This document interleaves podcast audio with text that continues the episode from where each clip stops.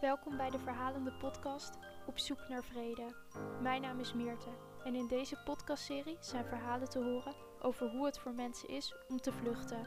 De verhalen zijn fictief en gebaseerd op waargebeurde verhalen. Maar eerst vertel ik mijn eigen verhaal. Op zoek naar antwoorden. Zo begon ik mijn reis op weg naar deze podcast. Antwoorden over het leven van gezinnen die vluchten. Wat is de reden dat mensen vluchten? Wat is de situatie in landen waaruit mensen vluchten? Hoe kan het dat zoveel mensen in een vluchtelingenkamp wonen?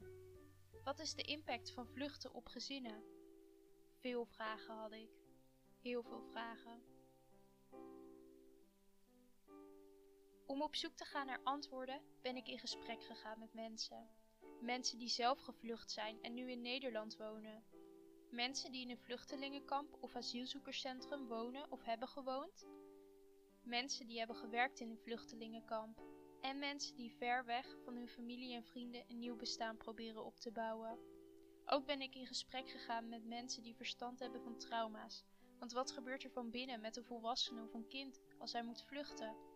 Wat is de impact en wat kan helpen?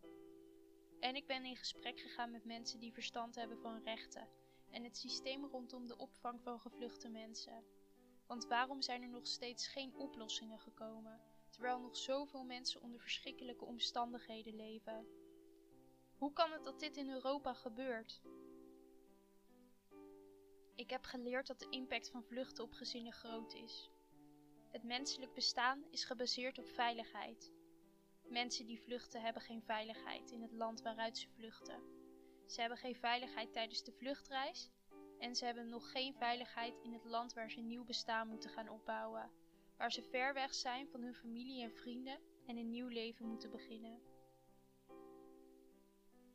Mensen hebben trauma op trauma, maar ondanks dat heb ik geleerd dat mensen sterk zijn. Ze blijven doorgaan, doorvechten en geven niet op. Ze doen er alles aan om hun kinderen een goede toekomst in vrede te geven. Dat heb ik ook geleerd.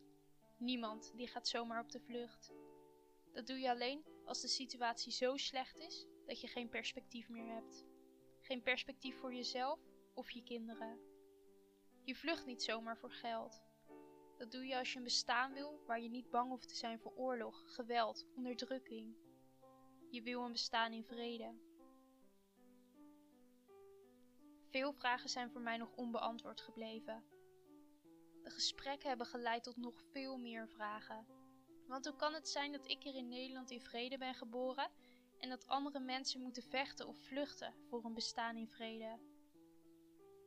Waarom heb ik dat geluk gehad? Vragen waar ik waarschijnlijk nooit een antwoord op ga krijgen.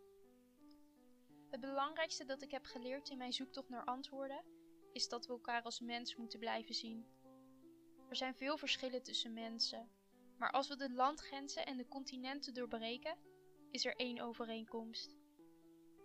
We zijn allemaal bewoner van deze aarde. Het is belangrijk om elkaar zo te blijven zien en om zo te blijven luisteren naar elkaar.